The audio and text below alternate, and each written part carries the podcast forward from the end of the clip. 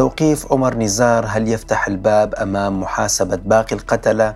مرحبا بكم في حلقة جديدة من بودكاست في 20 دقيقة معكم شاهو القرداغي.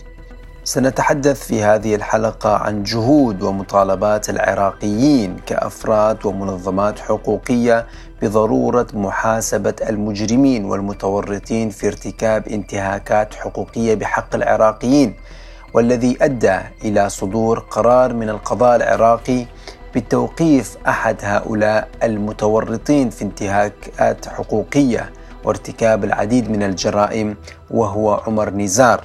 وهل سيفتح هذا الأمر الباب أمام محاسبة كافة المتورطين في انتهاكات حقوقية بحق العراقيين؟ كان الإفلات من العقاب من المظاهر الرئيسية للحالة العراقية منذ 2003 حيث سجلت الكثير من المنظمات الحقوقية المحلية والدولية العديد من الانتهاكات الحقوقية التي ارتكبت من قبل شخصيات أمنية أو عسكرية. ونجحوا في الإفلات من العقاب دون أي ملاحقة قانونية أو قضائية كما استمروا في وظائفهم بصورة طبيعية بل وتم ترقيتهم ليرتكبوا لاحقا أيضا تجاوزات وانتهاكات حقوقية بحق المواطنين العراقيين. وبعد تظاهرات تشرين عام 2019 واستخدام السلطة للعنف والقوة القاتلة لفض المتظاهرين السلميين والذي أدى إلى وقوع أكثر من 600 قتيل وآلاف الجرحى في صفوف المتظاهرين على يد القوات الأمنية والميليشيات والعصابات المسلحة القريبه من إيران طالب العراقيون مجددا بإنهاء ظاهرة الإفلات من العقاب ووضع حد لارتكاب الجرائم وخاصة من قبل شخصيات أمنية وعسكرية تستغل المنصب والوظيفة الرسمية وتستخدم أدوات الدولة لقمع المواطنين بدل حمايتهم ويتم حرمانهم من أبسط حقوقهم. تدريجيا توسعت الدعوات والمطالبات بصورة أكبر حتى أصبح هناك منظمة تدعو لإنهاء الإفلات من العقاب. وفي يوليو عام 2021 خرج العراقيون للتظاهر داخل العراق وخارجه في إطار حملة حقوقية واسعة شملت الولايات المتحدة الأمريكية وأوروبا وكندا والعديد من دول العالم إضافة إلى العاصمة العراقية بغداد والبصرة وعاصمة إقليم كردستان أربيل والناصرية ومختلف المدن العراقية بهدف التحشيد لوضع حد لظاهرة الإفلات من العقاب وتغاضي القوى والمنظمات الدولية عن فساد الطبقات السياسية العراقية الحاكمة وتراخيها حيال ذلك على مدى السنوات والعقود الماضية. وقد نشرت منظمة إنهاء الإفلات من العقاب قبل أسابيع تحقيقا مصورا يوثق جرائم قتل واغتصاب وانتهاكات يتهم بارتكابها الرائد عمر نزار آمر الفوج الثاني في قوات الرد السريع التابعة إلى وزارة الداخلية العراقية. واستند التحقيق إلى مقاطع مصورة تشير إلى ارتكاب نزار وقواته عمليات إعدام بحق مدنيين واغتصاب النساء والأطفال فضلا عن شهادة مصور علي أركادي الذي وثق تلك المشاهد والجرائم. وأشار التحقيق أيضا إلى أن نزار كان يقود مجموعة من أربعة جنود ترتكب عمليات الاغتصاب والتعذيب وقد أفلتوا من العقاب على الرغم من وجود أدلة دامغة تثبت تورطهم في انتهاكات فظيعة بحق العراقيين. ويقول التقرير أنه بدل محاسبة نزار على هذه الجرائم يظهر مجددا بعد ترقيته إلى رتبة عسكرية أعلى من قبل وزارة الداخلية العراقية.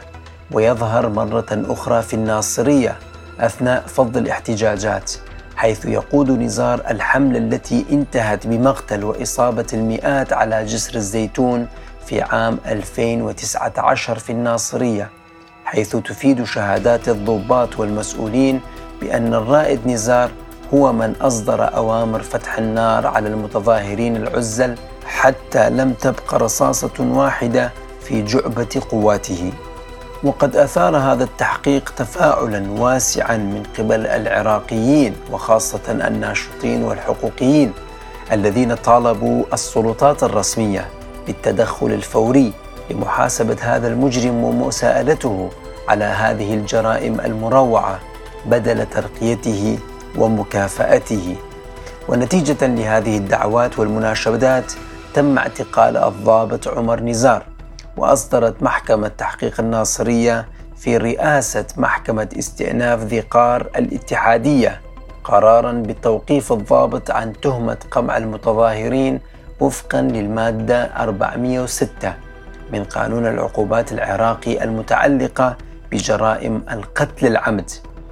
وعلى الرغم من تأخير عملية الاستجابة لدعوات المتظاهرين والمطالبين بتوقيع العقوبات على المتورطين في هذه الجرائم إلا أن هذا القرار يعتبر تطورا كبيرا في ملف حقوق الإنسان برأي الكثيرين لأن الجميع اعتاد في العراق على الإفلات من العقاب والتمادي أكثر في ارتكاب الجرائم دون الخوف من الملاحقة القانونية بسبب عدم تفعيل أدوات المحاسبة وترك المجال أمام المتورطين في ارتكاب الكثير من الجرائم والهروب من العدالة وعدم تطبيق القانون على الجميع.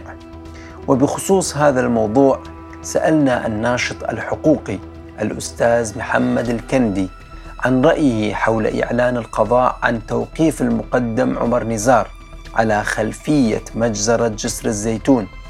وهل ستكون هذه الخطوة بداية لمحاسبة عناصر أمنية وعسكرية أخرى متورطة في ارتكاب الجرائم؟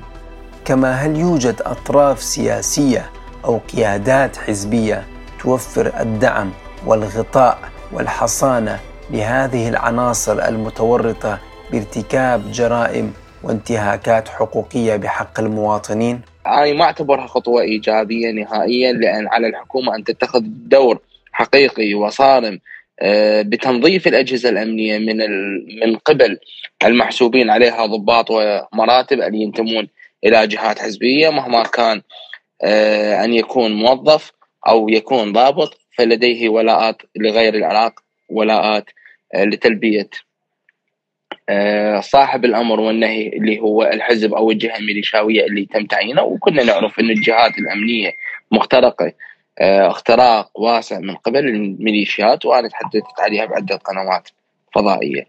آه، أما السؤال الثالث من يوفر الغطاء والحماية والقانون لتلك العناصر هم جهات سياسية وقيادات وزعامات ومن ضمنها حتى زعامات دينية معممة لاستهداف وقتل الشعب العراقي ولا سيما المجازر والقتل والاغتيالات والاختطاف بحق ثوار ثورة تشرين. ويعتبر مجزرة جسر الزيتون الذي يحاسب فيها الضابط عمر نزار سلسلة أعمال قتل وعنف. ممنهجة استهدفت المتظاهرين السلميين العراقيين في مدينة الناصرية مركز محافظة ذي قار العراقية. وذلك عقب يوم واحد من حادثة حرق القنصلية الإيرانية في النجف. وقد ذهب ضحية هذه المقتلة عشرات القتلى والجرحى وأدت المجزرة إلى إقالة الفريق جميل الشمري من رئاسة خلية الأزمة التي كانت المكلفة بمعالجة الأوضاع في المحافظات الجنوبية. وبحسب العديد من المصادر فإن عمر نزار المتورط بقتل المتظاهرين كان لديه اتصال مباشر مع تامر الحسني الملقب بأبو تراب وهو قائد قوات الرد السريع بوزارة الداخلية والمقرب من منظمة بدر التابعة لهادي العامري أبرز قيادات الحشد الشعبي والمقرب من طهران. ويطالب الناشطون والحقوقيون بضرورة محاسبة كل الأسماء المتورطة بجرائم قتل المتظاهرين سواء كانوا ضمن القيادات الأمنية والعسكرية أو ضمن الميليشيات والفصائل المسلحة الموالية لإيران وعدم الاقتصار على أسماء معينة استجابة لضغوطات الرأي العام وبهدف امتصاص الغضب الشارع لأن بقاء هذه الأسماء حرة طليقة تساهم في زيادة احتمالات تكرار هذه الجرائم لاحقا في حال حصلت احتجاجات أو مظاهرات شعبية. وأيضا تزيد من الشرخ الموجود بين الشعب وبين النظام السياسي حيث يفقد المواطنون ثقتهم بالأجهزة الأمنية والقضائية.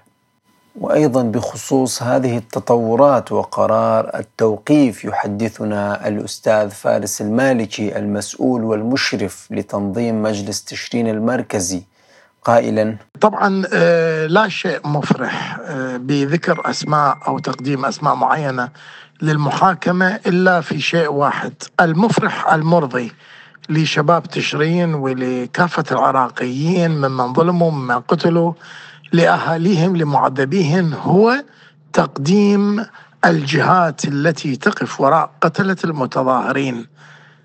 ال- الذين نفذوا هذه الجرائم هم مجرد أدوات. لا تعنينا بشيء لا من قريب ولا من بعيد. ولكن حينما آه، يقدم الجهة التي تقف وراءهم هذا سيكون ربما سيكون مرضي لنا ربما سيكون آه، يناغم آه، عوائل الشهداء عوائل المعذبين عوائل المغيبين. ربما سيرضيهم هذا الشيء. حينما تكشف الدولة أو حينما تكشف السلطة عفوا عن الجهات التي تقف وراءهم هنا تكمن الحقيقة. أما أنك تقدم شخص متهم هذا لا يكفي لأننا نعلم بأن الأداة المستخدمة هي أداة سلطة ومال وعقيدة وإلى آخره. هذا لا يكفينا. دعونا نذهب نحن وأنتم والحقيقة. بكشف الجهات التي تقف وراء قتلة المتظاهرين. نقطة راس السطر.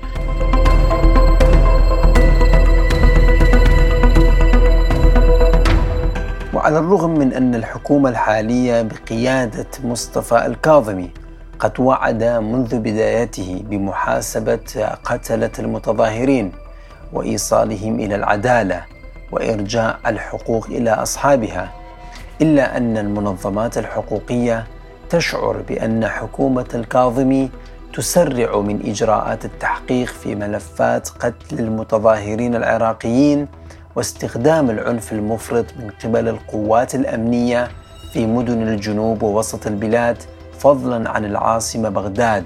وقد استدعت العشرات من الضباط وأفراد الأمن للتحقيق معهم كما كشفت عن إدانة أول ضابط أمن بالسجن لمدة ست سنوات بتهمة قتل متظاهر في مدينة البصرة العام الماضي. ولكن هناك تساؤلات حقيقية عن سبب تجاهل الحكومة العراقية الجزء المتعلق بالفصائل والميليشيات المسلحة الموالية لإيران والتي استخدمت هي الأخرى وسائل قتل مختلفة طوال فترة التظاهرات السلمية إذ إن هناك دعاوى قضائية قدمها أهالي الضحايا من المتظاهرين وناشطين. اتهموا فيها شخصيات في فصائل مسلحة بقتل أبنائهم ووفقا لمرصد آفات المعني بالقضايا الحقوقية في العراق في إحصائية سابقة. فقد تجاوز العدد الكلي لضحايا التظاهرات منذ الأول من أكتوبر تشرين الأول عام 2019 ولغاية نهاية ديسمبر كانون الأول 2020 عتبت 762 متظاهرا كما تم تسجيل إصابة نحو 27 ألف متظاهر منهم نحو 900 سترافقهم إعاقات دائمة وتشوهات ومشاكل صحية مدى الحياة. وأشار المرصد إلى أن مدن بغداد والناصرية والبصرة تتصدر عدد الضحايا في العراق. ومن الواضح أن الكثير من هؤلاء الضحايا هم ضحايا الإرهاب الميليشياوي وخاصة الفصائل المسلحة التي انخرطت في عمليات العنف ضد المتظاهرين. إلا أن السلطات الأمنية إلى الآن لا تقوم بخطوات جدية لفتح هذا الملف وتحقيق جدي في المتورطين في هذه الجرائم لمحاسبتهم ومنع تكرارها مستقبلا. وكانت لجنة تقصي الحقائق المعنية بالكشف عن قتلة المتظاهرين قد أعلنت عن استدعاء 112 ضابطا ومنتسبا للتحقيق معهم بشأن أحداث تظاهرات أكتوبر 2019 وقال المتحدث باسم اللجنة محمد الجنابي في تصريحات صحفية إن اللجنة حصلت على أكثر من سبعة آلاف وثيقة قضائية من المحاكم المختصة وأن الجرائم كانت بشعة والكشف عن الجنات مسألة وقت لأن العملية تحتاج إلى كشف الأوراق والأدلة الجنائية. ولم يحدد الجنابي موعدا واضحا للكشف عن الجنات لكنه أشار إلى أن اللجنة حصلت على القضايا التي رفعت من قبل ذوي الضحايا أمام المحاكم المختصة وأخذت مجراها القانوني. ليتم الاطلاع عليها مرة أخرى من قبل القضاة المختصين من أصحاب المهنة والحيادية وإعادة التحقيق حتى يتم إصدار القرارات القضائية الصحيحة بحقهم. وأوضح أن اللجنة مستمرة في عملها وحشدت كل الوزارات والمؤسسات المعنية من وزارات الداخلية والدفاع والعدل والصحة ومجلس القضاء الأعلى. وأجهزة الأمن الوطني والمخابرات ومكافحة الإرهاب لكشف الحقائق للرأي العام المحلي والدولي أيضا.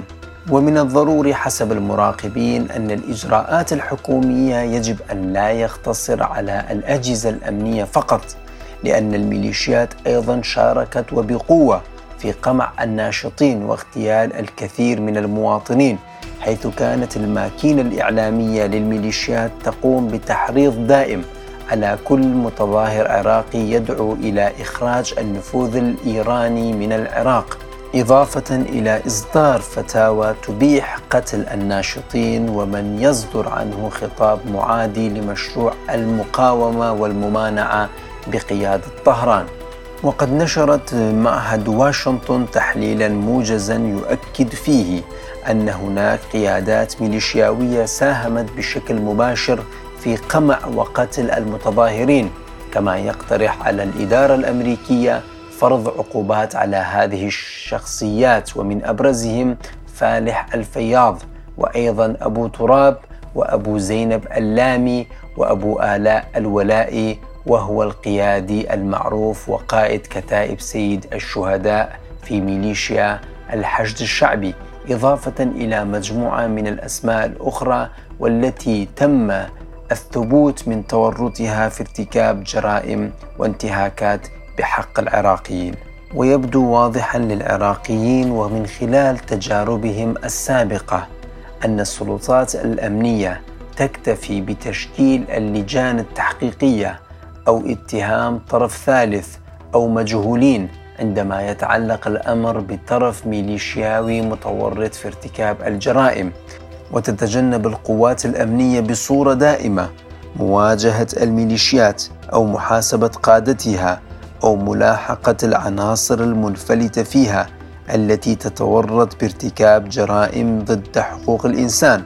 وهذا ما يزيد الشكوك حول مدى الحصانه الموجوده لدى هذه الفصائل المسلحة والتي تمنع أجهزة الدولة العراقية على محاسبة وملاحقة عناصرها على الرغم من ارتكابها العديد من الجرائم وعليها دعاوى أيضا من المواطنين وأهالي الضحايا.